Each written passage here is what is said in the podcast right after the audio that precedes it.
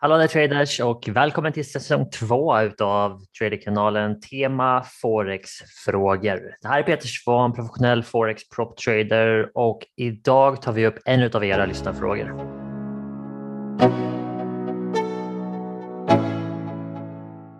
Så hallå där traders, välkommen till ett nytt avsnitt här på Traderkanalen Forex-frågor. Veckans fråga är vilka par och tillgångar ska man handla? Var tjänar man mest pengar? Så lyder frågan.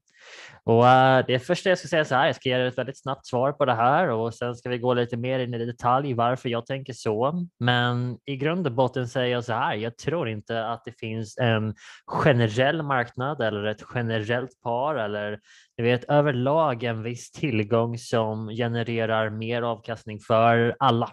Jag tror att du måste bli expert på en typ av handel, en typ av marknad etc. och bli väldigt bra på den. Och eh, en stor del av den här sökande processen som alla traders går igenom är att hitta just det.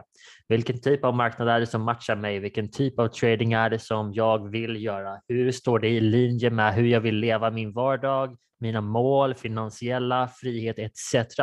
Så jag tror att alla de sakerna måste hänga ihop och knytas samman. Jag tror det är då som man finner störst succé, inte bara monetärt utan på andra plan.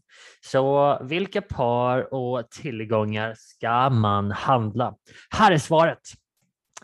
Alla som du har backtestat och sett att det fungerar. Simpelt svar, jag vet, men det är också det absolut bästa svaret som du kan få på den här frågan. Och anledningen är så här.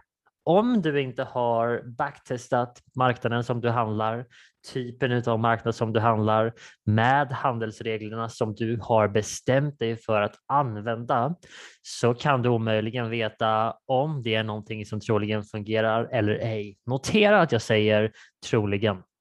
När vi backtestar någonting så testar vi det i historiska data följt av forward testing i realtid.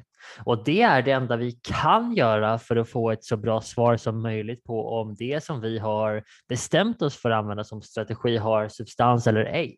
Så det absolut bästa svaret här är alla marknader som du har backtestat.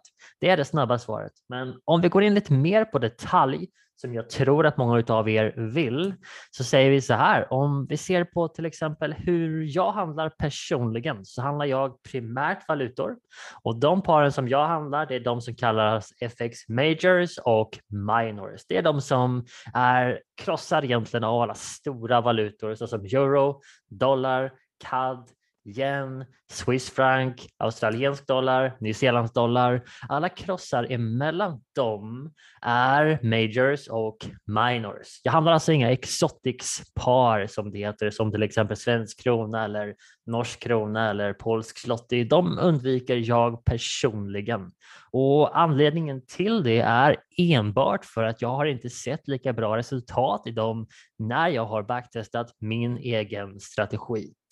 Betyder det att du också ska handla FX majors och minors?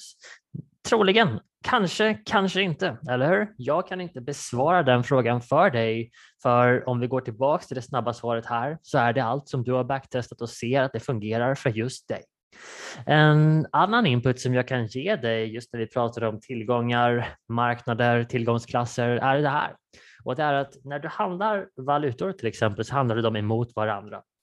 Du handlar till exempel dollar mot yen eller euro mot dollar eller pund emot australiensk dollar. Det är en helt annan typ av marknad än om du köper till exempel en aktie eller om du investerar i ett index som är en sammanslagning av många olika aktier. Så beroende på tillgången som du handlar så kan du definitivt behöva justera din strategi så att den matchar den typen av aktivitet som är i just den marknaden. Och därav, om du är en trader som handlar flera marknader så kan du behöva ha flera olika checklistor eller flera olika modeller som du applicerar för just den marknaden. Och det kanske inte är så, men det kan också vara så, eller hur? Och det jag menar med det är att du måste backtesta och det du kommer att se är att modellen funkar bra i vissa marknader och kanske sämre i andra marknader. Och det är den enda vägen att komma fram till vilka marknader som är bäst att handla för just dig. Traders, Tack för att ni lyssnade in på det här avsnittet. Hoppas att det hjälper dig att få klarhet i vad du ska göra härnäst. Vi hörs snart igen och för övrigt se till att skicka in din fråga om du har en fråga som är relaterad till forex och valutahandel. Du gör det via traderkanalen.se och då kan det hända att den blir en del av nästa avsnitt. Ha det bra och vi hörs snart igen.